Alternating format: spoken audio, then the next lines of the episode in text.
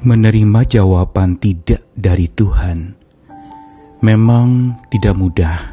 Ada pergumulan untuk tetap percaya dan mempercayakan diri kepada Tuhan yang selalu bertindak dan berkehendak yang baik untuk setiap anak-anaknya.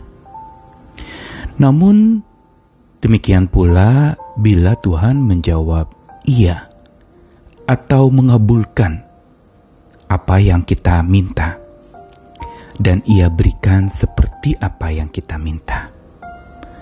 Namun, jangan senang dulu dengan jawaban Ia yang dari Tuhan, karena memang itu menyenangkan saat kita mendengar dan menerimanya, tapi tidak berhenti sampai kita senang mendengar dan menerima. Namun, ada langkah lanjut, karena ketika Tuhan jawab "iya", itu bukan semata dia mengikuti kehendak kita, tetapi justru ketika dia jawab iya, ada konsekuensi lanjutan yang dia minta dari kita, karena bila dia jawab iya, sesungguhnya dia sedang memanggil kita untuk hidup seia sekata dengannya. Saya Nikolas Kurniawan kembali menemani di dalam Sabda Tuhan hari ini dari dua ayat di Perjanjian Lama. Yang pertama dari Yehezkiel 12 ayat 25. Sebab aku Tuhan akan berfirman dan apa yang kufirmankan akan terjadi. Dan firman itu tidak akan ditunda-tunda lagi. Sebab pada masa hidupmu hai kaum pemberontak, aku akan mengucapkan suatu firman, dan aku akan menggenapinya. Demikianlah firman Tuhan Allah. Lalu satu lagi dari kitab Nabi Amos, pasal 3 ayat yang ketiga. Saya bacakan dari Alkitab versi Indonesian Literal Translation. Apakah dua orang akan berjalan bersama-sama kecuali jika mereka telah bersepakat? Yeskiel dan Amos yang satu nabi besar dan satu adalah nabi kecil. Yeskiel di dalam tulisannya tadi pasal 12 ayat 25 diungkapkan tentang Tuhan yang menyatakan bahwa apa yang ia firmankan itu akan terjadi dan tidak akan ditunda-tunda. Atau dengan kata lain, bila Tuhan sudah menjawab iya, maka itu akan terjadi dan tidak akan dia tunda. Kecuali memang masih belum dia berikan, pasti ada penundaan. Dan setelah itu dikatakan bahwa pada masa hidupmu, Tuhan akan mengucapkan suatu firman dan akan menggenapinya. Di sini digarisbawahi tentang betapa Tuhan yang konsisten dan apa yang dia jawab iya itu pasti tergenapi. Tidak main-main dengan jawaban iya yang dia berikan. Juga untuk setiap umatnya di sepanjang zaman, di sepanjang waktu. Namun bila kita membandingkan dan membaca di dalam kitab Amos, di situ dikatakan apakah ada dua orang yang bisa berjalan bersama-sama jika belum berjanji atau jika mereka belum bersepakat?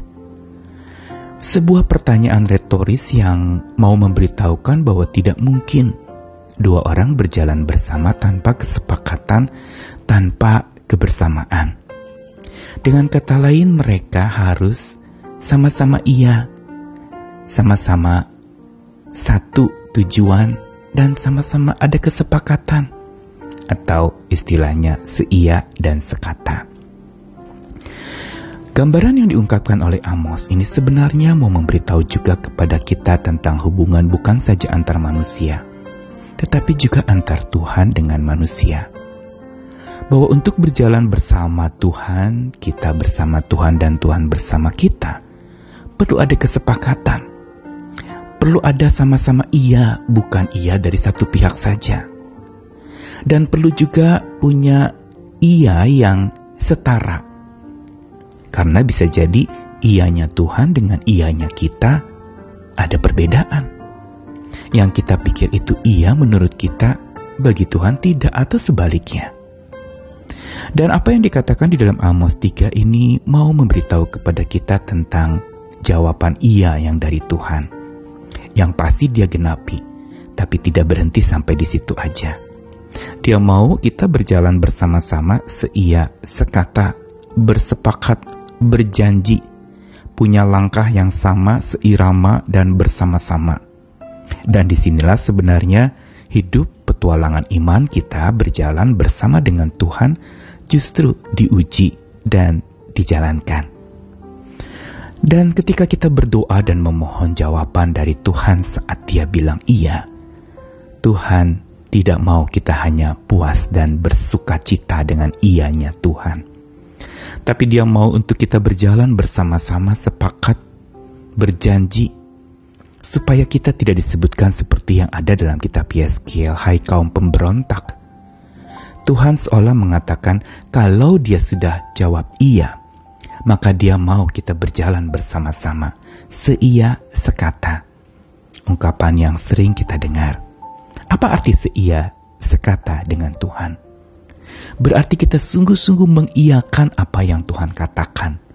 Bukan saja saat dia jawab iya untuk jawaban doa kita, tapi selanjutnya kita perlu mengiyakan perkataan Tuhan, menyetujui, dan lalu menjalankan bersama-sama dengan kekuatan Tuhan.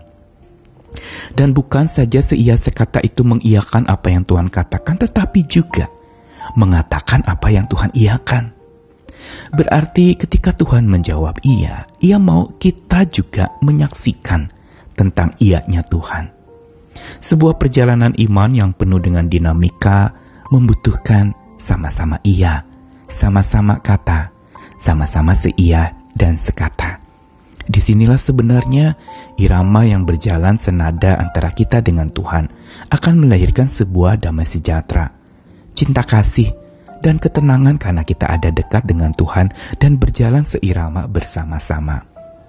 Karenanya mari kita ketika kita berdoa memohon untuk satu jawaban dan dia jawab iya, selain bersyukur, kita perlu hidup selanjutnya untuk seia sekata dengannya. Jangan lalu kemudian menjadi pongah dengan jawaban iya dari Tuhan, tapi datanglah tetap merendah untuk mengiyakan apa yang dia katakan. Seia sekata dan juga mengatakan apa yang dia iakan. Dan inilah sebenarnya panggilan kita. Ayo kita berjalan lagi bersama dengan Tuhan.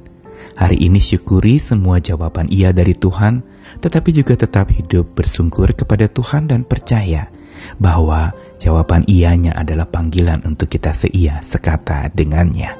Selamat berjalan lagi, jangan takut Tuhan selalu beserta dengan kita, apa pun keadaan kita, bagaimanapun kondisi kita, dia selalu mengiyakan dan dia selalu mengatakan cinta kasihnya kepada kita.